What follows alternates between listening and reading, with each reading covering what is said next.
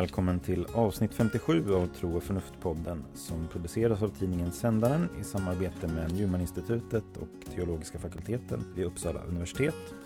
Jag heter Kristoffer Skogholt och med mig har jag Erik Åkerlund och Peter Westermark. Idag kommer vi att prata om Alvin Kimmels bok Destined for Joy, The Gospel of Universal Salvation som handlar om frågan om alla till slut blir frälsta eller om det finns ett evigt helvete. I sitt e- efterord till den här boken så skriver den ortodoxa teologen David Bentley Hart For many Christians hell is the dark family secret, the mad uncle confined overhead whom everyone knows not to mention. Och eh, man kan väl säga att helvetet är en eh, problematik i den kristna traditionen som kristna ogärna pratar om sådär väldigt mycket. Men eh, jag tänkte börja med att fråga hur, vad ni själva har för så att säga, relation till idén om helvetet, om ni kommer ihåg när ni först eh, stötte på den eller liksom sådär, hur ni har brottats, brottats med det. Jag kan nog inte minnas exakt när det här dök upp, men jag tror att jag vill minnas att det här, att det blev en fråga. Jag är uppvuxen i en kristen familj, till och med en liksom prästson så. Eh, och frågan dök nog upp först när jag började skolan liksom, och man behövde relatera till alla dessa icke-kristna människor. Eh, och, och liksom det, världen delas upp i liksom de frälsta och de icke-frälsta. Och det på många sätt, inte minst i en väckelsekristen tradition, blir någonting som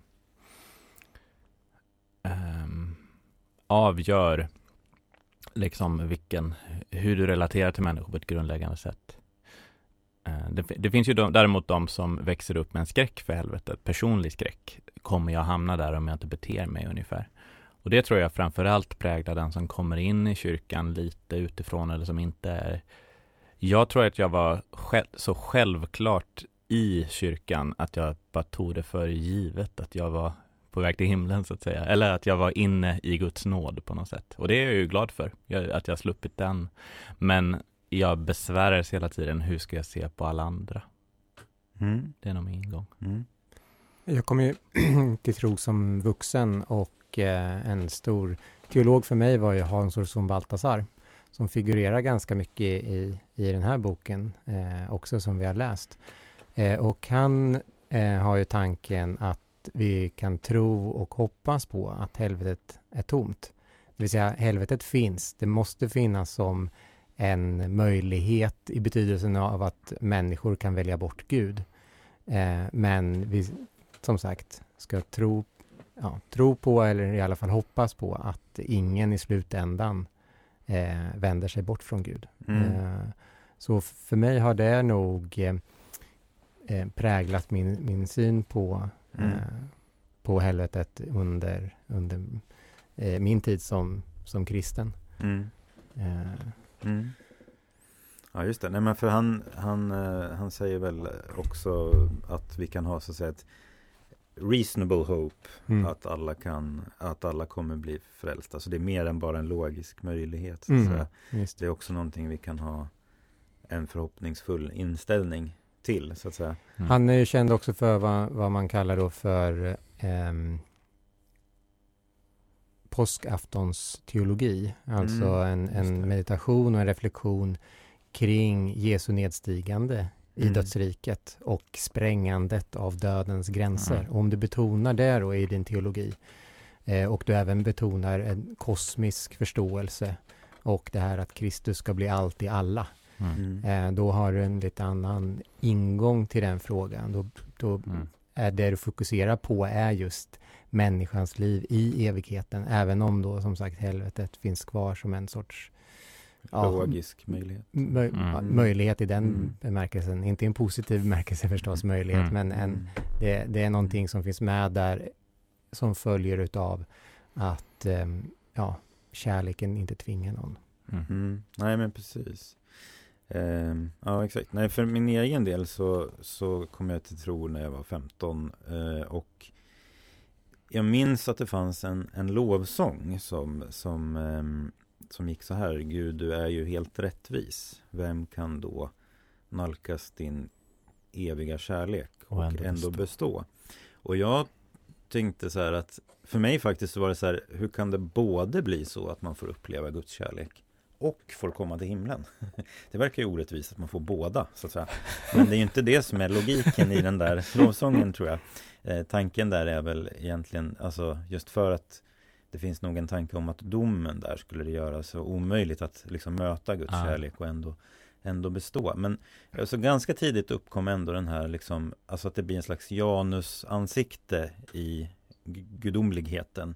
För å ena sidan så är erfarenheten i alla tror jag autentiska så att säga, gudsmöten en, en erfarenhet av kärlek och, och av, alltså en väldigt positiv erfarenhet. Så att Mm. säga, även om det kan finnas en, en, en, en slags smärtsamhet också. Det kommer vi in på senare och sådär. Men, men just det här att det, blir, att det är så många som, som är på väg till liksom ett evigt mörker. Enligt- Massa damnata. Ja men exakt, eh, exakt den stora fördömda massan.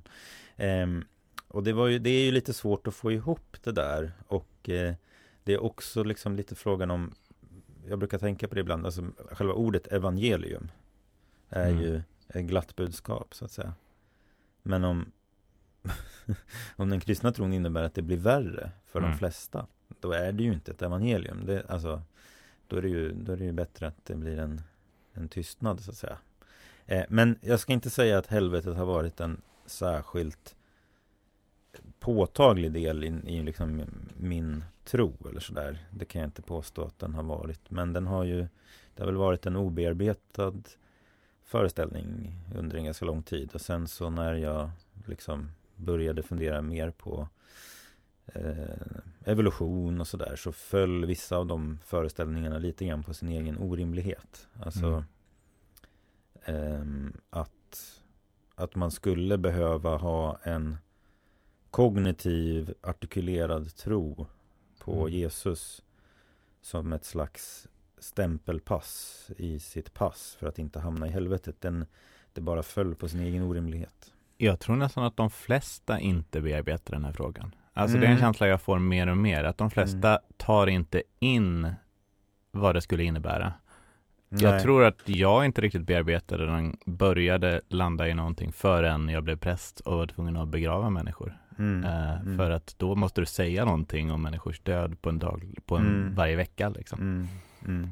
I, I det konkreta. Och då Mm. blir det en helt annan Eh, och, och, och det är ju även vår författare här eh, blev det ju extra på riktigt när hans son tog sitt liv. Även om han han hade så att säga redan Mm. omfamnat det universalistiska men det är klart att det precis det kan vi också säga att det har vi inte sagt. Men hans son Aaron tog sitt liv när han var 30 år ungefär eh, Mm. 2012 och eh, Alvin Kimmel eh, höll begravningen och predikade på hans begravning. Och den predikan är det sista eh, kapitlet i den här boken. En väldigt fin predikan eh, faktiskt och eh, vi ska väl återkomma lite till den. Men den berör ju framförallt i så att säga, logiken i vårat eh, program så berör ju hans eh, självmord också den här frågan om Går det egentligen så att säga att bli lycklig om de jag älskar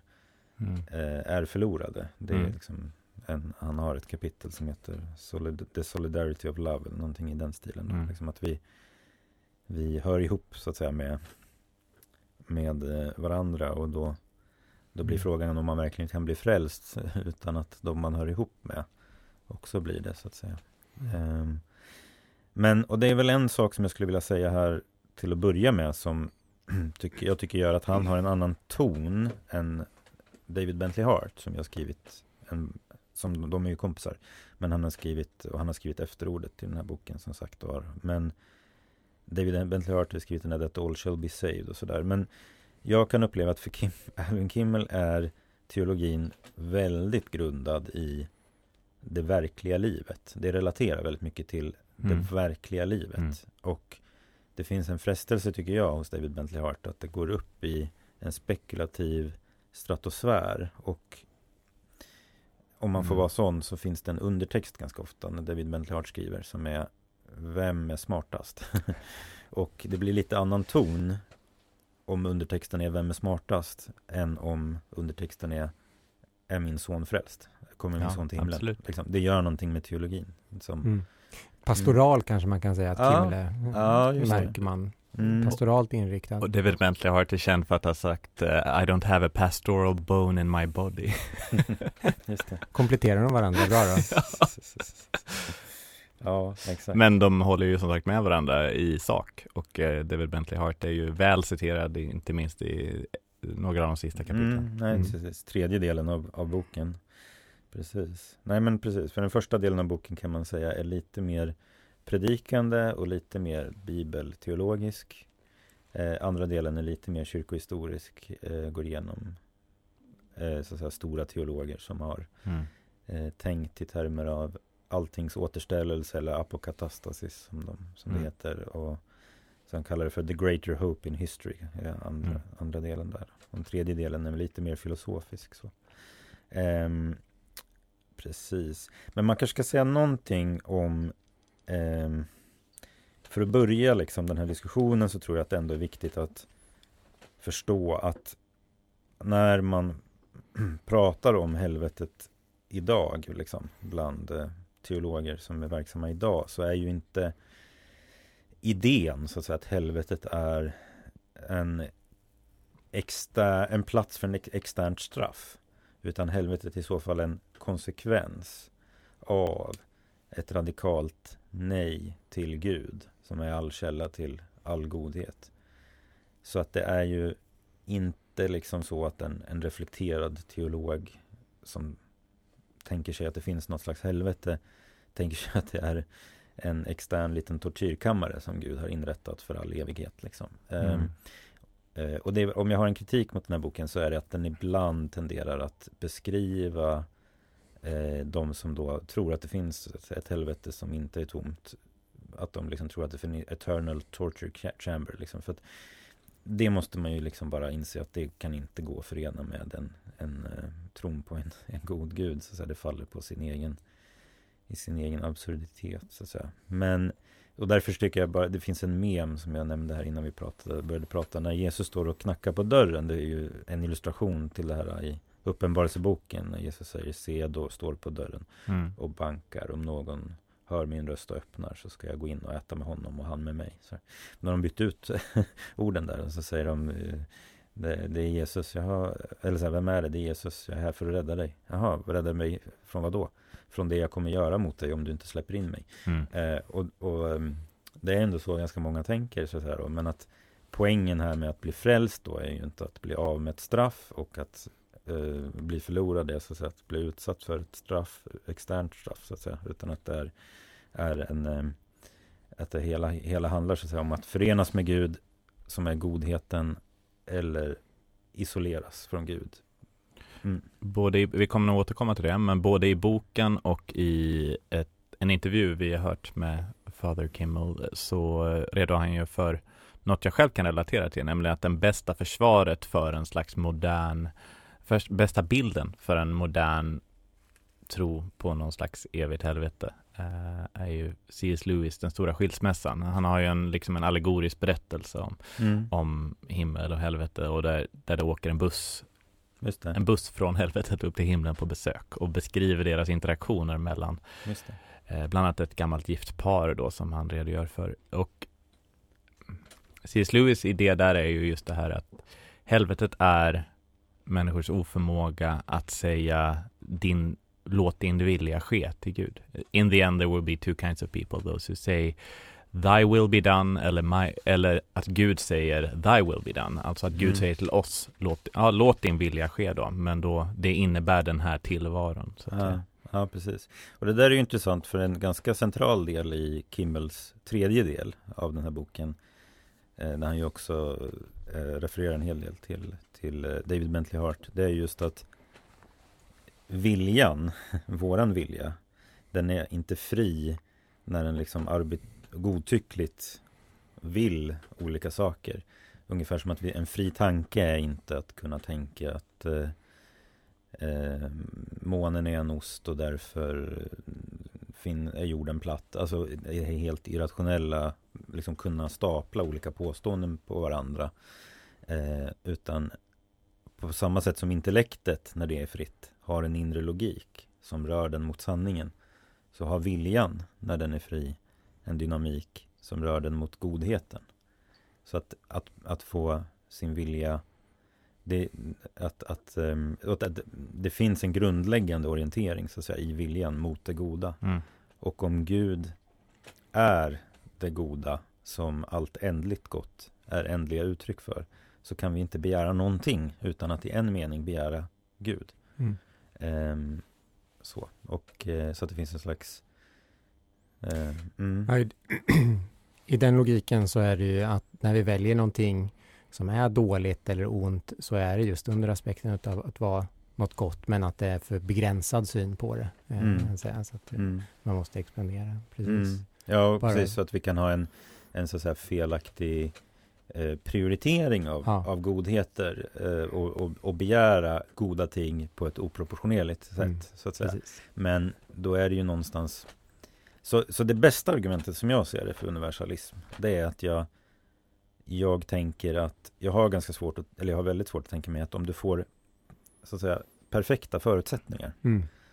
För att förstå vad Gud är Mm. Då har jag väldigt svårt att se att man skulle kunna välja bort det Mm. Så det, och, och då blir ju nästa fråga Måste inte då om, Eftersom det nu är liksom, människors eviga väl och ve Måste det då inte finnas liksom, så goda förutsättningar som möjligt för att göra det valet liksom då? Alltså, Och det Mm. har vi inte i det här livet så att säga Så vi har inte de optimala förutsättningarna Och därför så finns det en En logik i Och det är ju en viktig del i hans argumentation Att det finns en skärseld Som är terapeutisk och renande och som för oss Mm. Ja, ett sätt att, att formulera eh, hans syn kan man väl säga är att helvetet förvandlas till skärseld. Mm. Ja. säga, Precis. Egentligen. Precis. Ehm, Precis. Och det där, precis, och där kanske man behöver för en, en, liksom, en protestantisk lyssnare eh, återinföra begreppet skärseld, för det är ju lite ban, det är ju bannlyst i en reformatorisk tradition. alltså, eh, och jag kan ju uppleva att det som, det har skapat en ytterligare problem. Mm. Eh, men det är också, alltså om jag då, från mitt perspektiv då, som, som står i den, i en evangelisk luthersk kyrka, så kan jag ju se att en del problem i den katolska teologin på motsvarande sätt då finns i att man skiljer så tydligt på skärseld och helvete. Det gör man inte i en ortodox tradition till exempel, utan där är ju himmel, himmel och den renande elden eller den eld som upplevs som Guds vrede. Just Det är en och samma eld, Guds kärlek. det. Och det, Mm. det har hjälpt mig väldigt mycket Mm. att, i att få nya bilder och Mm. nya perspektiv på liksom vad, Mm. om Gud ska bli allt i alla, då måste Gud ta fullt ansvar för eh, vad som händer med varje människa i varje eh, livssituation och Mm. livsöde. Mm. Nej men precis, och där var det en grej som ehm, En polett som trillade ner lite för mig var När När det i något av de kapitlen som handlar om, om skärselden i tredje delen av den här boken eh, Så, så pratar han om med en jämf- hänvisning till eh, Att man inom anonyma alkoholister pratar om att Man måste nå botten mm. innan man kan påbörja sin väg mot tillfrisknande. Och alltså säger, precis som den förlorade sonen eh, I grundtexten så står det När han kommer till besinning tror jag det står i den svenska översättningen Men i grundtexten så står det eh, när han, Han kom till sig själv. Han kommer till sig själv, precis Mm. Och att den processen kanske så att säga måste få ha en möjlighet så att säga att förverkligas efter döden då. Mm. Eh, i, det tycker jag är Och just det att Ja precis och den, den, Men jag, jag tyckte det var intressant för att Han, han eh, citerar ju eh, En författare som eh, het, Under pseudonym heter George MacDonald Men som heter Robin Parry egentligen Och som säger att när Den protestantiska kyrkan tog bort Reducerade antalet möjliga Platser efter Mm. livet efter detta Alltså tog bort skärselden så de tog bort fel plats. Så de borde tagit bort Ja, helvetet men tog bort skärselden. Ja. Och, nu, och det som jag tycker är intressant, vi har ju pratat väldigt mycket om analoga och dialektiska eh, föreställningsvärldar. Mm. Och det blir ju väldigt dialektiskt om du bara har himmel och helvete. Men Mm. skärselden är ju på vägen emot. Det är just delhelhetslogiken. Du är Mm. inte framme än, men du är på väg.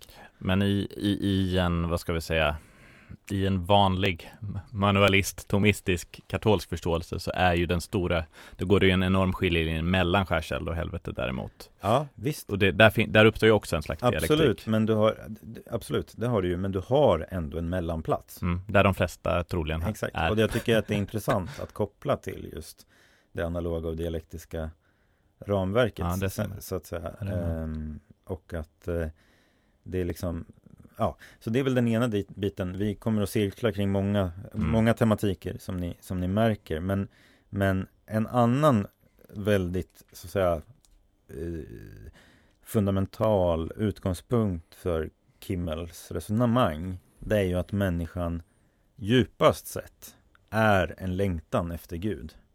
Det är inte djupast sett så är hon inte ett uppror mot Gud. Mm.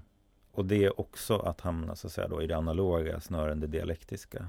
Eh, Men det djupaste sanningen om människan är att hon längtar efter Gud. Mm. Vi kanske ska gå in på den tematiken lite mer explicit då, för vi, vi, vi tänkte att vi skulle prata just om analysen av vad är viljan och hur relaterar det till Gud? Jag har ju nämnt en del kring det. Ehm, är det någonting som du kan fylla i lite med, Erik? Känner att du har ytterligare reflektioner kring? Nej, egentligen, jag tyckte du tog upp det bra där, alltså att varje viljehandling, varje, varje vil- viljeyttring är ju riktad mot någonting gott och varje gott är, är gott i kraft utav att, om man vill prata med det språket, vara, vara delaktig i Mm. godheten själv som är, som är Mm. Gud. Mm.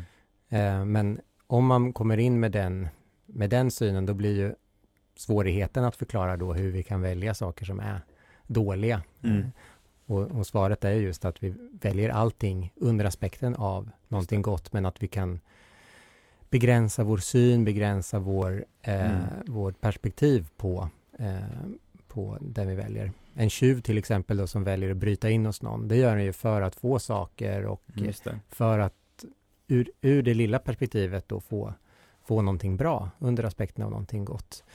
Men då måste man vidga perspektivet. Vilka människor är det som bor här? Hur påverkar det här andra saker? Mm. Och då se att nej, i Mm. det här i sammanhanget Mm. så är det faktiskt någonting dåligt. Det Mm. bör göra någonting annat. Mm. Och på liknande sätt är det egentligen hela tiden att vi bör vidga hela tiden vårt perspektiv och ta in mer och mer.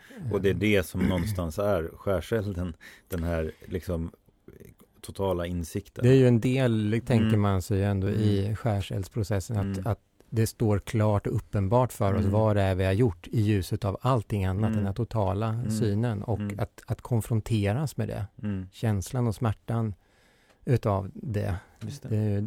en del Exakt, utav acceptera att det här är sanningen, processen. det här är sanningen, en del av sanningen om mig liksom. Huva, Att, eh, ja, ja, men usch. precis. det vet vi Exakt. bara Ja, hur, hur det kan vara ja, eh, precis. i, ur ett begränsat perspektiv. Precis. Så. Precis. Och där är ju, jag gillar den här tanken på dom som avslöjande. Mm. Och att straffet i den meningen inte är skilt Mm. från, från eh, domen. Och, Mm. dom, och det blir också helt rättvist. Mm. När vi liksom återgår till ett slags organiskt sätt att förstå Mm. det här. Då är, då är det rättvisa, så att Mm. säga. Eh, men jag tänkte på det när du tog upp det här med att se i det bredare perspektivet och Mm. sådär. Det finns ju, jag minns inte om det är i Gudfadern-filmen eller om det är i, i, vad heter det, jag minns inte om just den här scenen jag tänker på är från Gudfadern-filmen eller om den är från Sopranos. Men där är det så tydligt hur man liksom vid familjebordet kan inte prata om affärer. Mm. Man kan inte prata om den aktivitet som underligger hela den här Mm. eh, situationen och det goda som man i någon mening vill uppnå med, Mm. med, med allt det onda man gör. Mm. Och det kan man inte prata om Mm. helt enkelt. Så man måste hålla det borta. Liksom. Mm. Ja. Mm. Just det, ja men precis. Och skärselden är, kan ju vara en så att säga främmande tanke ur en protestantisk traditions perspektiv.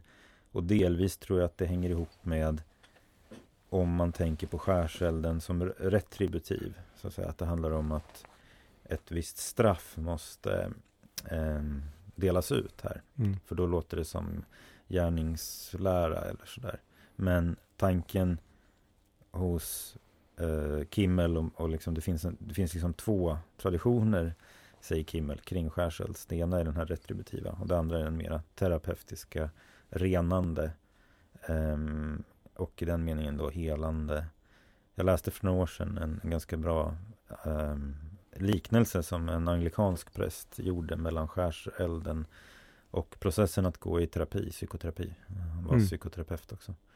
Att det liksom handlar också om att se klarare och, mm. och liksom Så att jag gillar, och där Så då kan vi kanske gå över lite till den här tematiken som handlar om den exegetiska reflektionen som han har kring eh, Är det här liksom när det står evig i Nya Testamentet mm. och vilket Aionos och Ainos Ja, alltså precis, en, och det är inte minst en protestantisk eh, fråga som ofta dyker upp med det här, men vad säger Bibeln då? Ja, och det är ju inte en orimlig fråga. Det är inte bara protestanter som förhåller sig till det. Det, det kanske orimlig. alla funderar lite på. Vad, vad heter det, sa du, Bibeln? Får jag dra en liten anekdot där? uh, jag, hade, jag läste en termin på Haysrope College uh, i, i London. Eh, och eh, det var ute, det, det var några tyska katolska studenter där också, utbytesstudenter. Och så hade vi en ganska lång diskussion om Bibeln och jag var lite frustrerad över mina, liksom, min evangelikala bakgrund och sådär. Och, så, olika, och sen efter när vi hade diskuterat Bibeln i 20 minuter så sa en av de här katolska studenterna som var ganska som var from och som, som studerade till att bli pastoralassistent. Så, så bara, mm, The Bible. ja. Jo, eh, det är ju ändå den heliga skrift som, eh, som styr och inte minst eh, eh ligger till underlag. Eh, det, och det viktigaste där är ju evangelierna själva, tänker jag. Eh, Jesus, vars namn bygger hela vår tro, kristendomen. Och ehm, Ja, men alltså för att hitta då skärseld och helvete så är det ju i en protestantisk läsning så har det ofta blivit då att varje vers som talar då om till exempel evigt straff eller den eviga elden, Gehenna, eldsjön och så vidare. Det, det blir automatiskt då helvetes verser per definition. Det är bara självklarhet. Medan då det finns några få texter som öppnar, som väcker frågetecken kring det där. Det finns ju till exempel då Eh, Eh, Paulus som, som talar om rening men som eh, hans, eh, att man bygger på samma grund men att eh, vissa kommer få sitt verk uppbränt dock kommer han bli räddad men som genom eld. Första Korinthierbrevet 3 16 eller något sånt där. Eh, eller liknelser hos Jesus som säger eh, där han talar om eh, tjän, olydiga tjänare som kommer få olika många straff, äh, olika många rapp i sitt straff. Så några kommer få några få rapp och några kommer få fler rapp. Och, och det där blir liksom i ett då dialektiskt tänkande där det bara finns himmel och helvete. Då blir det liksom, men vadå, varför, vad betyder det ens? Eh, det. Vad skulle en sån distinktion innebära? Mm. För det är ju någonstans är helvete bara per definition maxstraffet. Mm. Det går mm. inte att få något mer mm. straff än så.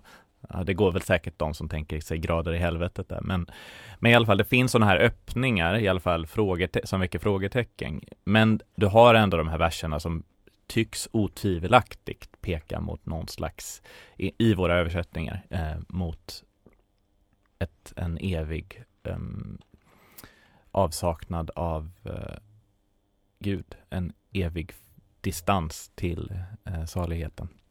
Och den klassiska sån texten som vi i Svenska kyrkan läser på domssöndagen, jag vet inte om den är i den katolska Kristus konungens dag också, men det är ju Matteus 25 eh, om fåren och getterna som skiljs åt.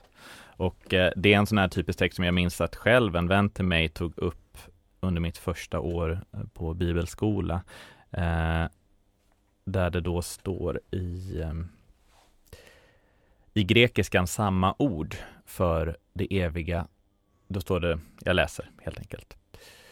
Då ska, han, ska Jesus, ja, då, då ska Herren svara dem, sannerligen vad ni inte har gjort för någon av dessa minsta, det har ni inte heller gjort för mig. Dessa ska gå bort till evigt straff, alltså getterna, men det rättfärdiga till evigt liv. Eh, och då tänker man så här, ja men om vi värdesätter det eviga livet, då så, om vi tänker att det hör till, det, det talar ju om att saligheten hos Gud är ju per definition liksom oändlig och den, den har en sån oerhört liksom den går inte att mm, begränsa till en viss tid. Och eftersom samma ord då, aionos, används som straffet här så har man tolkat det som det här är liksom en, en, en så här proof text, det är liksom en slam dunk. Mm. Det, det, här visar att det, att det finns en dubbel utgång mm. då. Mm. Kan bara inom parentes säga då att det här ordet aion och aionos ju är samma ord som eon. Det är det jag ska komma in ja, på nu då. Ja. Eh, problemet är att det här betyder inte evig no, eh, mm. i den meningen vi tänker det. Mm. Eh, det här kom senare i tolkningshistorien och det här är ju då det Kimmel tar upp. Att, mm. Och många eh, universalistiska tänkare har just problematiserat det här ordet som vi så självklart tänker måste innebära evig i meningen oändlig eller utan slut. Mm. För ordet kommer från Ion, som du säger, Kristoffer. Det, det, betyder det har att göra det, med det hebreiska ordet olam som betyder både värld och tidsålder. Då. Och därmed så kan man säga att det, det här är ju det hela, hela tiden eh, i Johannes evangeliet inte minst. Det eviga livet talas det om där om och om igen. The, the life of the aeon, the, eh, eonens liv. Ni ska få, den som tror på Kristus ska få tidsålderns liv.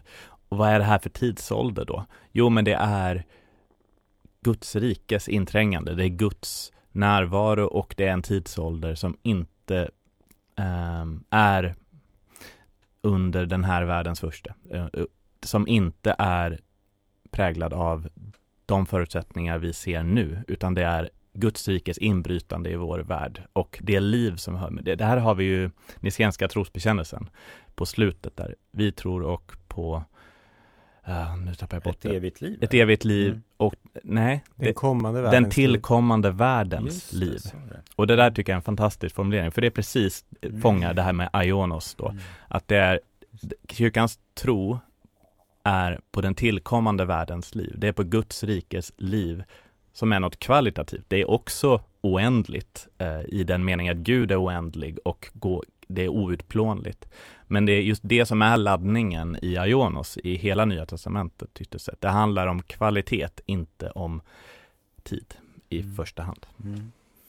Nej, precis. Och sen tar han ju också eh, Han säger ju också att om man hade velat ha ett ord som eh, betecknade oändlighet mm. i betydelsen eh, ett pågående eh, en pågående process utan slut eh, otvetydigt betecknade det så fanns det liksom ett antal grekiska ord eh, som man inte använder i Nya Testamentet men som fariseerna till exempel använder för oändligt straff eller sådär. Eh, han har ju också en reflektion, Kimmel, om att det beror också på vilket ord som eh, Ionos eh, syftar på. Mm. Vilket, det blir ett adjektiv men det beror då, betydelsen kan så att säga mm. delvis bero på substantivet. Och om, om det är en, en eh, han har ju någon, någon, en, någon, reflektion kring något av orden som straff. Att det så att säga, snarare kan betyda något chastisement eller någonting som har med eh, liksom åter, ja, den mer skärsälstematiken. Och då blir den inte då håller, det, då håller den på tills den är slut så att säga. Men, ja, det är lite som att, att ha en god, eh, en god middag och en god människa. Mm. Det är samma ord god, mm. men beroende på sammanhang betyder det väldigt olika mm. saker. Jo, men precis, precis.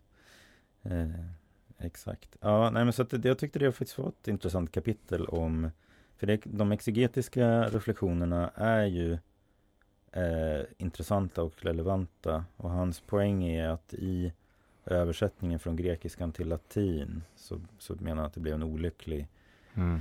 översättning när man valde et, Eternitas tror jag Eternum. Ja. Eternum, ja precis. Ehm, och ehm, inte den här då mera ambivalenta eller vad man ska säga ambig, ambiguous eh, översättningen eh, eller ordet då med tidsålder och sådär. Mm. Ja, någonstans så är det liksom, det går inte att bortom allt tvivel visa på grund av, genom en ordstudie säga att Ionos absolut inte kan syfta till en evighet när det handlar om straffen då, men, men det är i alla fall otydligt. Det, mm. hade man velat vara tydlig så hade man behövt använda andra ord. Och det är senare översättare inte... som har gjort det mm. tydligt så att säga inom citationstecken. Mm. Nej, precis. Och han, oftast betyder Ionos inte evig. Exakt. Eh, i, grek, i antik eh, litteratur så att säga. Mm.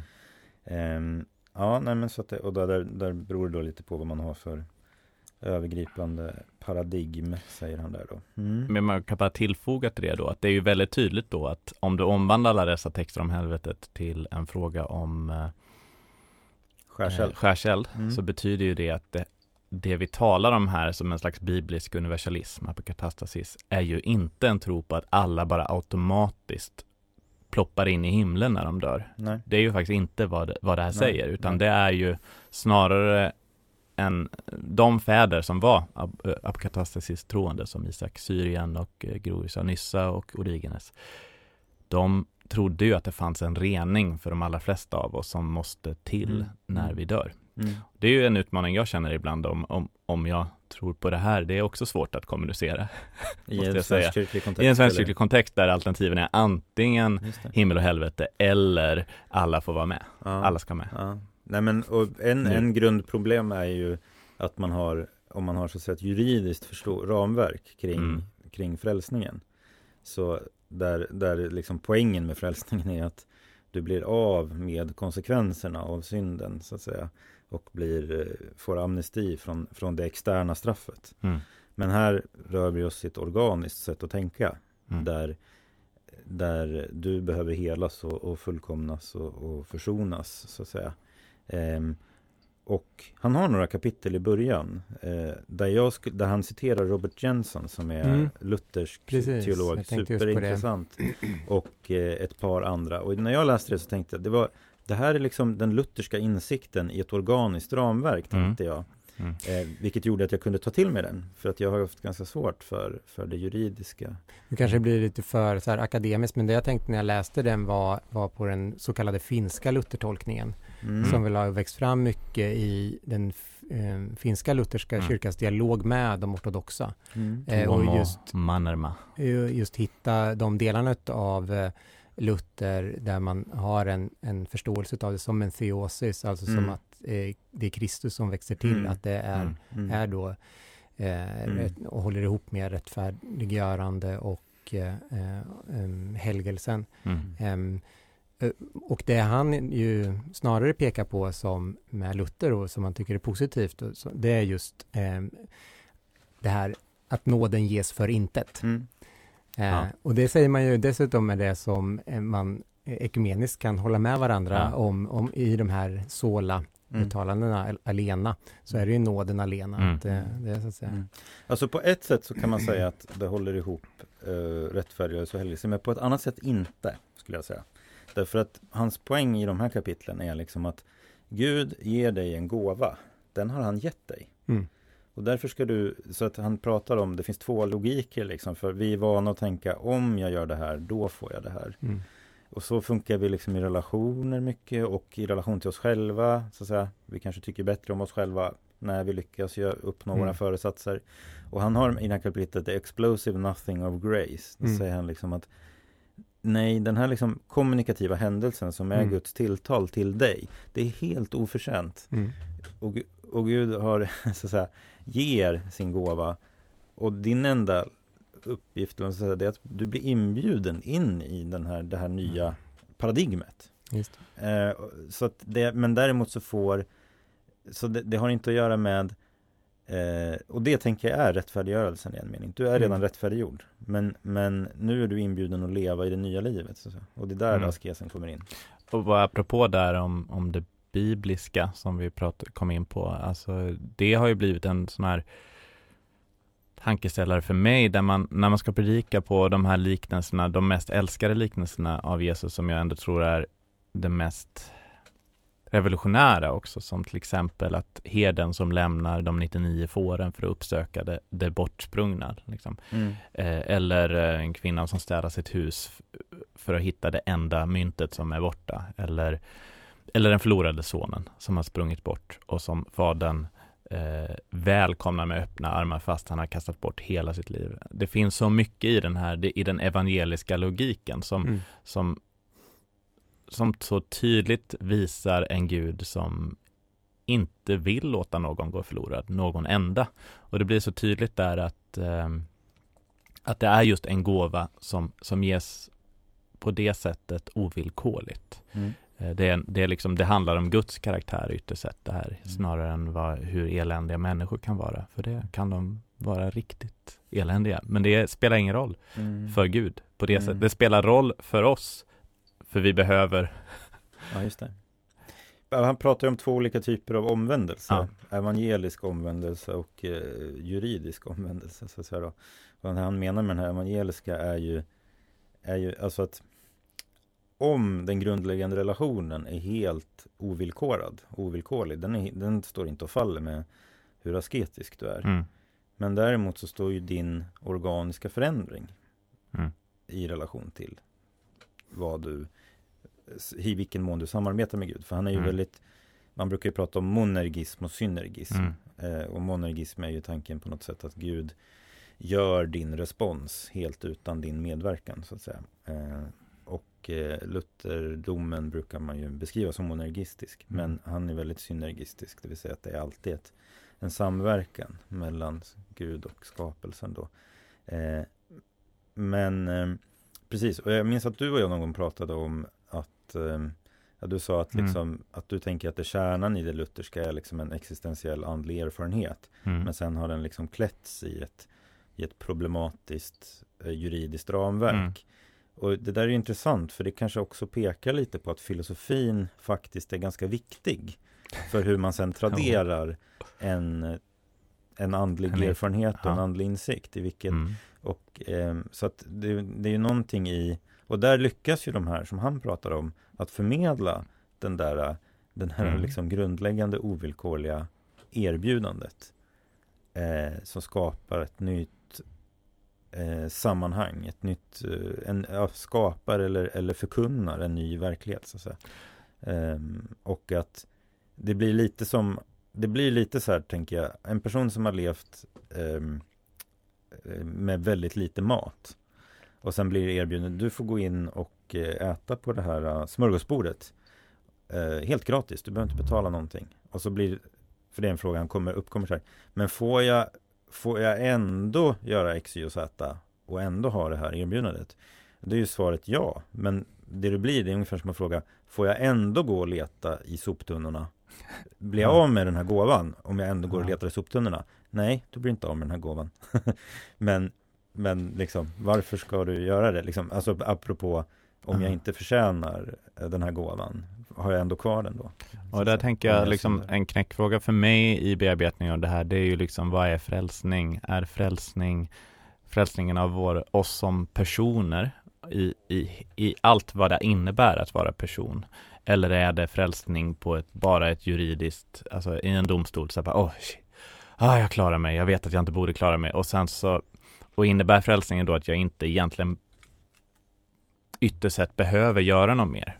Alltså det är så här, det är bonusmaterial att göra något mer. Det, och, och med det menar jag inte liksom så här prestera till en frälsning, utan då är det liksom, vad är ytterst sett målet för en människa i evighetens Mm. perspektiv? Förening Är med Gud. frälsning att blomstra eller är det att bli av med ett straff? Ja, exakt. Mm. Och om det är, och det är ju därför många tänker så här, men om ni tar bort helvetet, då finns ju ingen poäng med att tro längre. Det är ju, Nej, det. allt är ju bara brandförsäkring liksom för, för vad Jesus kommer göra mot oss om vi inte tar emot erbjudandet. Ja, Liksom. det. Mm. Men där är ju liksom någonstans Frälsningen måste ju innebära att min personlighet får integreras fullt ut i min relation till Gud och till alltet. Liksom, Mm. Och att jag Mm. fullkomnas i min kärlek. Mm. Och Mm. det innebär ju att alla har någon, ett, en, en fortsatt sträcka i evigheten, så att säga. Nej, Mm. På den andra sidan döden. Eh, Mm. Oavsett hur den ser ut då. Att den kan behöva en lång väg för vissa och Mm. Och den stora frågan som, man brott, som vi brottas med alla är ju då liksom vad händer med den mest förhärdade som absolut inte ger några tecken på att vilja Mm. omfamna Mm. Guds erbjudande. Mm. Nej visst, och det är, en reflektion jag gjorde var att om man nu tänker i termer av den här eh, som eldmetaforen Mm. så låt säga då att elden bränner bort allt det som inte är gott Mm. i mitt liv. Eh, är det då så att det för vissa varelser är så att säga att det finns ingenting kvar här sen? Eh, då, då skulle det bli en slags eh, utslocknande så att säga av den Eh, det tänker ju inte Kimmel att det är så, så att säga. Men... Eh, Annihilationism kallas det också. Ja, Ja. ja men precis. Eh, men, den, men den moraliska logiken i den föreställningen är väldigt annorlunda än att det finns så att säga en evig plåga och att det bara är eh, plåga så att säga och inte, inte någon form av eh, utplånande av det destruktiva så att säga. Det är i alla fall, det är på något sätt mer nådefullt mot den, mot syndaren så att säga, mot den Mm. fördömde att bli utplånad än att för evigt vara kvar.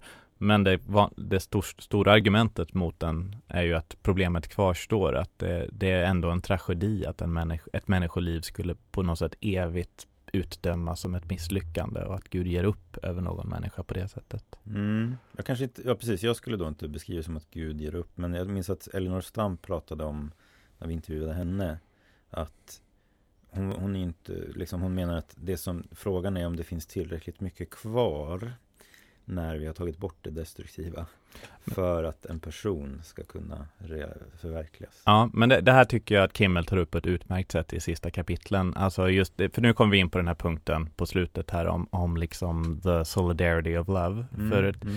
där gör ju, eh, han citerar David Bentley Hart som gör så här, vad är det att vara en person? Och så bara, en pers- att vara en person är per definition att sitta ihop med andra personer. Det går, no man is an island, an I-land, som eh, vi hörde en predikan igår.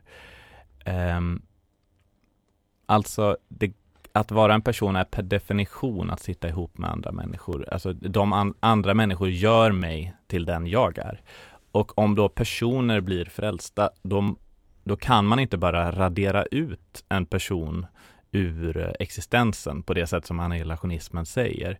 Eh, eller som C.S. Han, Kimmel läser C.S. Lewis som att han i princip gör en slags hybridvariant av traditionell helveteslära och annihilationism i det att det, liksom, det finns inget mänskligt kvar. Det finns inget, inget skap, gott skapat kvar i det som finns i helvetet, utan det är bara ett skal, en skugga av det förflutna. Liksom. Men någonstans är ju det då förlusten av just den personens vara och den personens person. Mm. Och, och eh, då är ju det en förlust i, i det stora hela för, för kärleken, för kärleken som eh, till alla människor och allt som någonsin levat. Mm. Man skulle också kanske kunna tänka sig att det är en förlust av eh, någonting potentiellt. Alltså det är något potentiellt som aldrig realiserades. Mm. Ehm, Som ett missfall typ. I, i, Ja, våra, i, i ja, vår in... Som använder en bild för det, precis. Mm. Men eh, och det är väldigt mycket potential som inte har blivit realiserat så att säga. Ehm, eh, så det är en del av, av men det är bara, jag, jag bara Innebär det att bara en fullt utblommad person då räknas som person? Mm, Nej, eh, det gör det ju inte. För mig låter det så.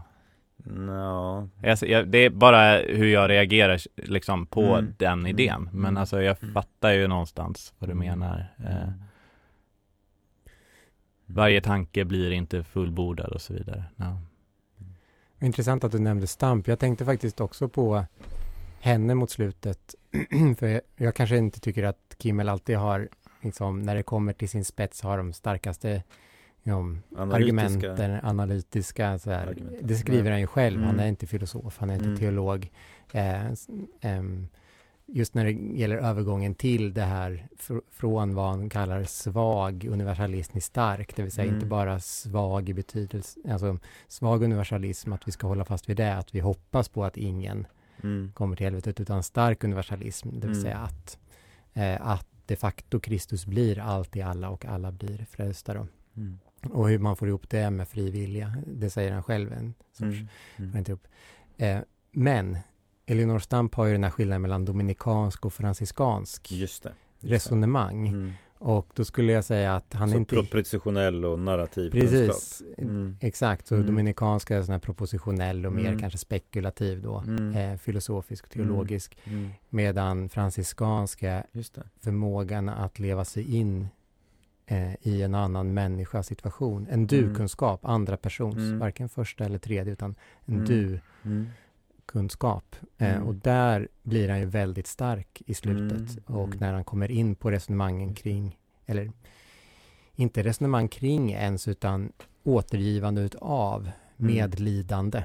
Just Mm. kan man tänka på det ordet, att ha medlidande, att lida med Mm, mm, då. mm. Och situationen utav att någon älskad inte Mm. är med mig Mm, mm, i evigheten. Och speciellt då som kröns utav den där, om man får säga så, eh, när han återger predikan på sin eh, sons begravning då, Mm. där han säger att utan dig vill jag inte, vill jag inte glädja mig i evighet och så vidare. Mm, Det, mm, det, det var en tanke som jag fick upp just Verkligen. hennes skillnad där, verkligen. dominikansk, franciskansk, att han är franciskansk. Ja men det är Mm. han ju verkligen. Fast han, är, Mm. han läser ju också Tol, Thomas Talbot, en analytisk filosof, och gör det rätt väl. Men jag håller med, han är ju, och det är ju därför han säger I'm a preacher, Ja, not a philosopher. Ja. Eh, men, ja men precis. Mm. Det där, den, den distinktionen kan faktiskt vara lite relevant för, för distinktionen som han gör i det här kapitlet Explosive Nothing of Grace. Mm. När han, han skriver till, eh, jag minns inte namnet nu, men det är en, en pred, predikant som, som just eh, lyfter fram det ja, ovillkorliga väldigt starkt i Mm. Guds erbjudande. Och Kimmel undrar då, men är det ändå inte så att jag måste tro för att liksom ta emot det här? Och. Mm. och då har den här predikanten eh, svarat honom mejlledes eller brevledes och, och har eh, ett bra svar på det där han säger att man behöver skilja då på deklarativ, eh, Mm. deklarativt språk och deskriptivt språk. Så i det deklarativa proklamerande språket så, så- så är det hela tiden att er, det lyfta fram erbjudandet, det ovillkorliga erbjudandet. Mm. Eh, tron är så att säga bara den organiska responsen på ett sätt, på att du förstår det. Mm. Och du, när du då tar det här deklarativa, eller deskriptiva språket, då har du liksom ställt dig lite utanför den kommunikativa situationen och försöker se på den utifrån. Mm. Och predikantens pedagogik är att hela tiden tilltala den här personen och förstå att det här erbjudandet är givet dig. Mm. Det är givet dig. Och hela tiden åter eh, gestalta det, det givandet. Mm. Ehm, det tyckte jag var ett fantastiskt bra och det tror jag är en risk med, med liksom teologisk reflektion. Mm. Det att man ställer sig i det deskriptiva universat. Vilket på ett sätt också kan bli lite grann skydd mot Visst. den existentiella eh, bränn, bränn, att det bränner till. Liksom. Mm. Eh, Det är som skillnaden Bobers jag du och jag det. Två Ja. olika förhållningssätt. Just det. det är jag du vi ska precis, det är det som fortsätta är odla främst. Exakt, Mm. exakt. Ja, nej, den är en rik bok måste Mm. jag säga. Jag är väldigt glad för att vi har läst den i, i podden. Ehm, så den kan rekommenderas. Vi kommer kanske försöka få till ett litet samtal med honom här framöver. Jag Uh, hoppas det. ja, Eh, det vore kul. Och eh, är det något mer vi behöver ta upp inför att vi avrundar? Men alltså, ja. Nej, men det är en bra bok på det sättet att beroende på, när jag läste David Bentley Harts eh, bok, så den tycker jag gör ett riktigt bra case. Liksom. Det är en argumentation, eh, men den är extremt, eh, vad ska vi säga, eh, den, det är ett frontal angrepp mot eh, Mm. infernalisterna som man talar om. Men eh, det finns en hel del saker som man inte tar upp och den här är ju en samling av saker Kimmel har skrivit under flera decennier.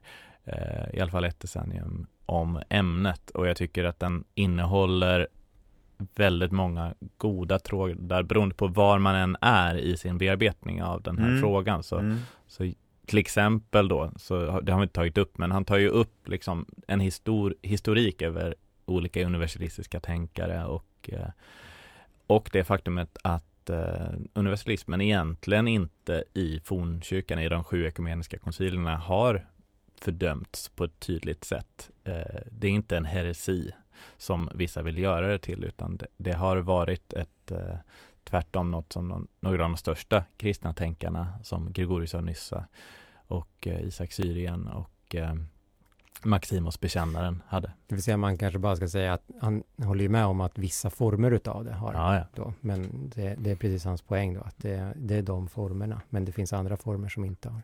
Mm. Men, och de formerna har så att säga inte fördömts egentligen för att de är apokatastasis, Nej. utan för att de innehåller andra saker Mm. eh, som man som, eh, Det var en viss urspårad form av origenism som Mm. fördömdes, Mm. där, som innehöll massa andra knepiga Mm. tankar om Mm. som gick emot kroppslig uppståndelse Mm. och så vidare. Det var det som fördömdes. Nej, men en, en sak som för mig är var givande med att läsa den här, det är att det blir ingenting i den existentiella nerven som går förlorad. För att det finns en viss form av, vad ska vi säga, jag vet inte vad en bra engelska översättning är, som bland universalism, Mm. som bara Mm. blir intetsägande. Eh, och det här är, det, den här är ju inte det, liksom. Kristen tro innehåller gudsfruktan. Alltså det, det får inte gå förlorat, för det är en del av den existentiella nerven som du säger. Alltså någonstans allvar inför mitt eget liv. Liksom. Ja, just det. Och Mm. i relation till Gud. Och, och på det sättet tycker jag, på ett sätt, ordet universalism just inte är så lyckat, men det är det man får leva med. Universalism, då tänker, för mig, då tänker jag just på upplysning och att det finns ett, ett universellt förnuft som, och att eh, liksom, olika religioner bara är olika, mer eller mindre dåliga eller bra försök att stava ut det. Så det, det, det lutar för mig mer åt den här just bland. Men det är ju inte Mm. den typen som han tar upp, det inte så han använder ordet. Nej. Mm. Nej, och för mig så kanske det också är att den existentiella nerven finns i att det är någonting ganska radikalt att Gud erbjuder Mm. alla ett nytt liv. Mm. Men det, jag tror att den, är- den bland universalism uppkommer lite för att det är som att Gud har inget ärende längre Mm. Mm. eftersom jag inte behöver vara rädd för ett straff. Då har inte Gud, men det är ju, det, det är så att säga, Mm. Det är inte, utan Gud har verkligen ett ärende liksom. Mm. Och så. Mm. Vi vill avslutningsvis bara nämna att eh, en person som tidigare var med i podden och som var med och startade den, Rickard Dahl, tyvärr har gått bort för några veckor sedan. Och eh, kommer vara begravning för honom eh, snart. Och eh, de första sju avsnitten är han med i podden. Vi vill tillägna det här avsnittet honom och eh, på det sättet lysa frid över hans minne. Amen.